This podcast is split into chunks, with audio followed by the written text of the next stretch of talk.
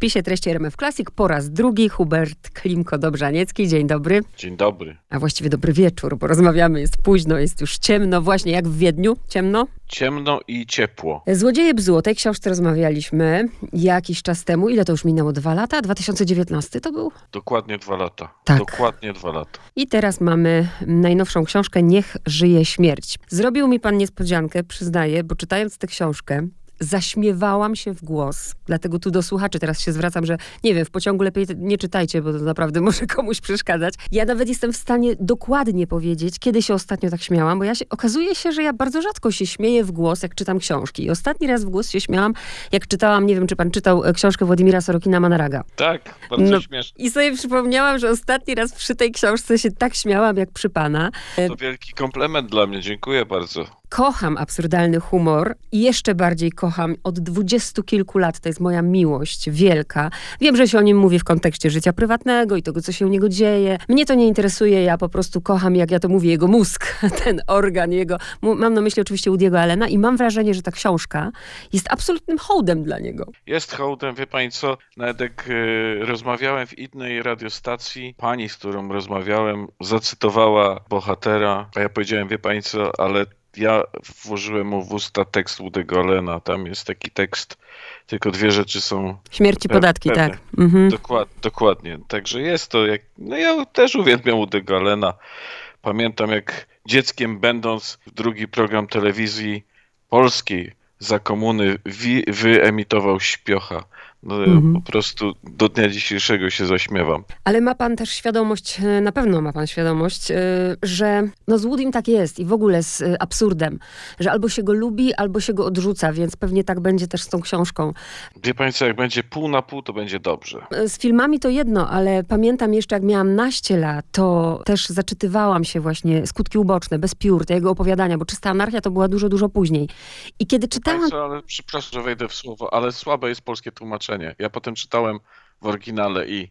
Ale to jest stary, z 90 lat. Tak, tak. ale właśnie miałam wrażenie, że pan, użyłam takiego słowa hołd, ale z drugiej strony jak patrzę sobie na Ernesto, to go nawet obdarował pan niektórymi cechami Woody'ego i nawet y, trąbką.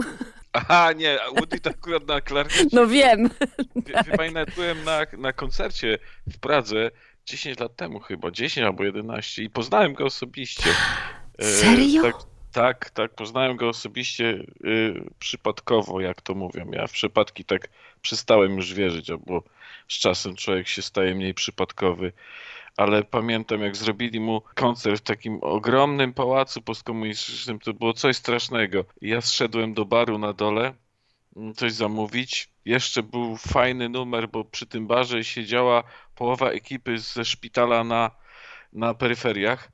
Ja myślałem, że ci ludzie wszyscy poumierali, aktorzy, ale oni tam siedzieli i wszedł Woody Allen ze swoją córką. Tak, Woody Allen ze swoją córką i poprosiłem go o autograf i kilka słów żeśmy zamienili i no fajnie, fajnie, no bo to jest bohater mojej młodości, y, dzieciństwa też w sumie. No i jeszcze żyje, dobrze, że żyje. Boże, ale to mnie zazdroszczę, to mówię teraz to oficjalnie zazdroszczę, bo marzenie mojego życia, które się nie spełni akurat i wiem, i zresztą wszyscy znajomi się z tego śmieją, to się tu z panem podzielę, że ja na tyle miałam fioła kiedyś na płcie Udiego, że ja jego urodziny obchodziłam, a nie swoje. No i bardzo dobrze. I to jest, to jest jego humor. To Tak, super, super, super. I tak, a druga sprawa jest taka, że marzenie mojego życia to było zawsze, żeby Woody Allen, y, żeby nawet już nie musi mnie zapraszać, a sama pojadę, ale wypić z nim chociaż herbatkę, ale no to zazdroszczę. trzeba, ma- marzyć trzeba, to nic nie kosztuje, a czasami się właśnie spełnia. Tylko trzeba się śpieszyć, wie pani co, z tą herbatką, no bo cza, cza, czas, jak w, nas, w naszej książce, w mojej książce, no odlicza, odlicza strasznie. To, co robi Woody Allen, czyli konsekwentnie żartuje z religii, z antysemityzmu, z tego wszystkiego pan też żartuje w tej książce. Ja nie chcę wchodzić jakby mm, do fabuły tak bardzo, bo tutaj się nie da tego opowiedzieć słuchaczom, bo to jest oczywiście ulubione pytanie, nie? O czym to jest książka. Tutaj się Tak, nie da. Nie, nie możemy spoilerować, możemy Oczywiście. zachęcić, za, zachęcić słuchaczy, żeby ruszyli do księgarni. Jutro chyba już będzie ta książka w Tak, księgarniach. bo 15 września jest premiera, tak. Czyli jutro. I, I kupili, kupili, przeczytali i mam nadzieję, że się będą śmiać, a potem, że przyjdzie też refleksja. No bo ja używam groteski po Tak, to, żeby, tak. żeby coś przekazać. No Tak? zresztą on też, tak. A proszę Tak. powiedzieć, bo właśnie bardziej się chcę skupić na tym, żebyśmy nie, nie opowiadali na narracji i na tym pomyśle, bo tak, główną rolę oczywiście gra tu absurd, ale właśnie pod tym głęboko, zresztą tak jak u, u Diego je, jest poważny temat. Pan się zdecydował, bo tak, można sobie tę książkę czytać rzeczywiście albo jako opowiadanie, jako cztery części, albo y, jako powieść, bo wiadomo, że tutaj niektóre te wątki się łączą, rozwijają. Zdecydował się pan też pobawić narracją, bo na przykład e, w pierwszej części mamy tylko dialog, później mamy perspektywę Ernesto, perspektywę Ingeborg i w trzeciej e, narrator trzecioosobowy. Mnie ciekawi ten proces pisania. Czy jak pan zasiada, to pan właśnie zakłada, żeby to było inne, jak najbardziej ciekawe i szuka na to formy, czy to po prostu wychodzi naturalnie? E, to znaczy tak, będę się musiał trochę wyspowiadać z warsztatu, ale nie do końca, bo to jest tajemnica zawodowa czasami. Ale mogę powiedzieć tak, prowadzę trochę taką działalność pisarską zaplanowaną. To znaczy piszę kon konspekt, zresztą wydawca dostaje konspekt, o czym to ma być. Jest zarys całej, całej fabuły. Potem siadam do pisania i czasami wyjdzie tak, jak sobie zamierzyłem, a czasami nie. I myślę, że to jest właśnie najpiękniejsze w twórczym pisaniu, że jest element taki, który może zdziwić zarówno piszącego, jak i bohaterów, których on opisuje. I tak chyba było też y, z Niech, Niech żyje śmierć. To znaczy ja y, zaplanowałem, że narracja będzie poprowadzona mm, w różny sposób, dlatego że e, temat śmierci jest y, no, dosyć ciężki. Ja, ja chciałem, żeby to było właśnie po Alenowsku, ale też po Berhardowsku Mm. e, e, opowiedziane i postanowiłem się formą zabawić, bo ostatnia rzecz sprzed dwóch lat, jak widzieliśmy się, rozmawialiśmy, to raczej było klasycznie napisane, klasyczna powieść. Teraz mamy rzecz napisaną nie klasycznie, tak filmowo trochę myślę. No też tak można na to popatrzeć, rzeczywiście. No i trochę się pan też nabija, e, też się zastanawiałam, tym, czy pan się tak nabija z tych Wiedeńczyków, bo oni są najbliżej, czy, czy Ja się chyba i ogólnie nabijam z mieszczaństwa. Oczywiście mi się łatwo tutaj poruszać w tych dekoracjach wiedeńskich, ale zapewniam panią, że mieszczaństwo wiedeńskie, angielskie, paryskie, nie wiem, madryckie i może trochę już warszawskie, chociaż pieniędzy jeszcze brak, brak takich korzeni właściwie, bo Warszawa jest miastem. O, Kraków, Kraków też, bardzo dobry, E, cho, chociaż nie do końca, nie do końca. No, mieszczaństwo jest bardzo, bardzo wdzięcznym tematem do opisywania. Także mamy tutaj dziesiątą dzielnicę, szczególnie jej moment y, przy placu Roymana, to jest taki charakterystyczny plac, można powiedzieć, bo dziesiąta dzielnica to jest ogromny obszar Wiednia, tam 400 tysięcy ludzi mieszka. Mówi się nieoficjalnie, że to jest drugie największe miasto Austrii. Że pierwsze to jest Wiedeń, a drugie to jest dziesiąta dzielnica, a potem jest Grac. Ale Wiedeńczycy, tacy nie mieszkańcy Wiednia, bo to trzeba też rozróżnić, że Wiedeń w, w w swoich obecnie nie wiem, 70% to nie są Tak. właśnie oryginalni Wiedeńczycy z dziada, pradziada, mieszczanie i tak dalej, ale oni, oni mają dalej duży wpływ na to miasto i potrafią być straszni. Jak to mieszczaństwo całe. Jest straszne, bo jest zakłamane najczęściej. Wracając jeszcze do tematu, mm, bo koniecznie chcę zahaczyć o tytuł. y, Zresztą to też, przepraszam, że tak się odwołuję do tego Woody'ego Allena, ale to ma być dla pana komplement, absolutnie, nie? Że, Ja przyjmuję, bardzo proszę, proszę. że właśnie on też stosował ten mechanizm jakby nawiązywania do, do wodzów. Tutaj pojawia się Franco i zresztą tytuł pan y, zaczerpnął z, no jak to się mówi, z sztandarów y, falangi faszystowskich Viva la Muerte, niech żyje śmierć. Tu też można odnieść to do naszej sytuacji i tego, co się u nas dzieje. Bardzo sprytnie pan to robi. To, to, to hasło to jest hasło takiej y, legii cudzoziemskiej hiszpańskiej, która została stworzona na, y, na wzór tej francuskiej. No i w, y, pułkownikiem zdaje się jeszcze pułkownikiem w niej był y, generał Franco, który jakieś tam odnosił w kampaniach swoich afrykańskich, afrykańskich sukcesy. W tych wszystkich y, formacjach y, cudzoziemskich, zarówno we Francji, jak i w Hiszpanii, to dalej działają te formacje. No trąbka odgrywa bardzo ważną rolę, ale ja chciałem Nie, nie, właśnie nie. tak z jajem w sumie opowiedzieć, tak? Żeby to nawiązanie do tego faszyzmu, no było jakieś takie trochę, no przez ogródki opowiedziane, no Tak. bo wiadomo, co Austria zrobiła i Tak. jak, jak pięknie się z tego wymigała. Do dnia dzisiejszego się wymiguje. Po Złodziejach Bzu trochę już wiedziałam, czego się też spodziewać, e, ale to jest właśnie fajne. No, tylko tak jak mówię, trzeba mieć trochę wyobraźni, żeby to umieć odczytać, chociaż może w tym momencie nie doceniam czytelników. Mam nadzieję, że się będą dobrze bawić.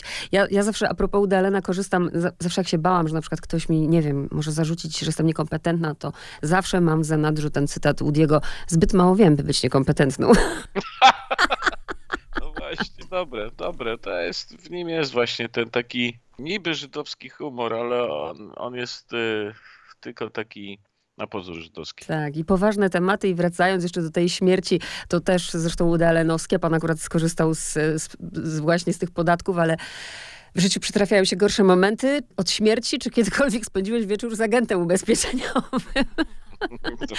No to są gag na gagu. I właśnie to jest też niesamowite, że te gagi są tak absurdalne, że jak ja na przykład w pewnym momencie czytałam ten dialog ojca z synem, na przykład czytam, że o Jezu, już jest za dużo, już, już nie, nie, że już mam tego przesyt, a za chwilę jest kolejna rzecz i wybucham śmiechem od nowa. A już po prostu jak e, zginęła matka opiekunki e, zabita przez zawodowego kierowcę, to już po prostu pękałam ze śmiechu i się zastanawiałam, wyobrażam sobie pana, jak pan to pisze, to raczej nie jest jakaś tam męka twórcza, tylko, tylko pan się po prostu tam nieźle chichrał przy tym. Nie, zdziwię panią, zdziwię panią, chociaż to jest raptem 180 stron, to mi się to dwa lata pisało. Ja się mogłem śmiać dopiero potem, jak to napisałem. No, Napisałem to całkiem na poważnie, ale wiem od filmowców, że komedię też trzeba kręcić na poważnie. Jak się człowiek śmieje podczas roboty, to jest fajnie, ale film nie wychodzi. I myślę, że tak samo jest y, z pisaniem książek, które wychodzą potem na takie pełne gagów i tak dalej. Ja oczywiście nie jestem brukiem z, z, natury, ale też nie śmieję się z własnych dowcipów, tak? E, Jakoś staram się zachować umiar w tym wszystkim. A pisało mi się tę książkę różnie. Był reporter w Wiedniu, przeprowadziliśmy też rozmowę i zaprowadziłem go do mieszkania, e, w którym pisałem tę książkę. A ponieważ mieszkanie należało do mojego zmarłego przyjaciela, to ja raczej byłem w takim wisielczym nastroju, pisząc y, większą część y, tej książki. Natomiast jak potem przyszło do redakcji, to z panią redaktor żeśmy się zastanawiali, czy aby nie skrócić właśnie tej pierwszej części y, z ojcem i synem. Mhm. Dali, daliśmy sobie czas, ona przeczytała dwa razy, ja przeczytałem dwa razy. Doszliśmy do wniosku, że nie, że dajemy na długo, bo to świetnie też nawiązuje do Berharda, jak on na przykład opowiada, że siedział na takim fotelu szatym i tak dalej, powtarza po sobie i tak dalej.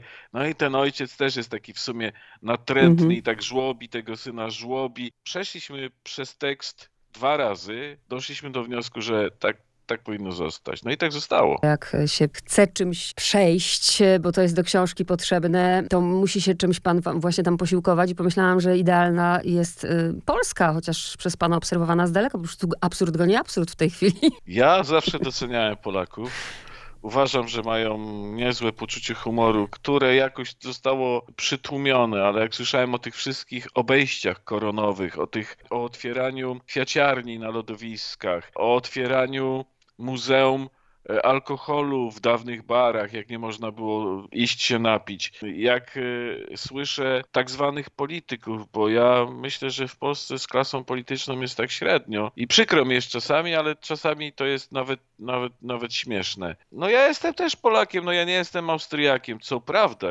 Piszę o Austriakach w tej książce, ale ja miałem poważny research, bo ja mam starych Austriaków przyjaciół, Wiedeńczyków, takich, co mają po 85-90 lat, którzy mi opowiadali ciekawe rzeczy i myślę, że ta książka jest y, bardzo prawdziwa, aczkolwiek prawda nie jest żadną kategorią literacką.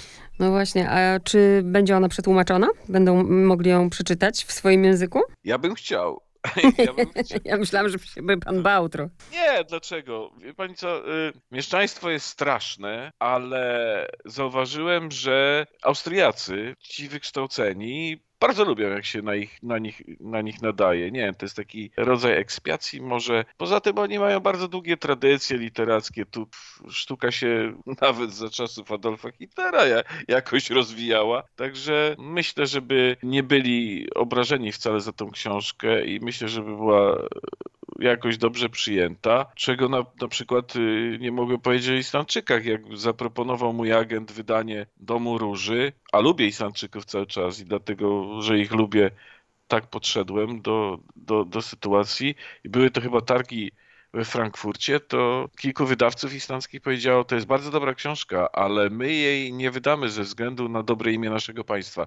Także bywają też takie sytuacje. Drodzy słuchacze, ze względu oczywiście na czas tej audycji mm, nie będziemy tutaj wchodzić, bo to abym chętnie sobie pogadała, czy o Ingeborg, czy o Ernesto. Nie ma na to czasu, więc mam ochotę zapytać, jakie Gustaw ma nogi. Przepraszam, ale nie mogłam się powstrzymać. No. A proszę jeszcze powiedzieć, nie, nie, nie, bo ja się naprawdę bardzo dobrze bawiłam, czytałam tę książkę. Bardzo panu dziękuję. Dawno się tak nie śmiałam. ja też dziękuję. Tak, nazywam się Hubert Klinko-Dobrzaniecki, ale nie jestem wcale szlachcicem.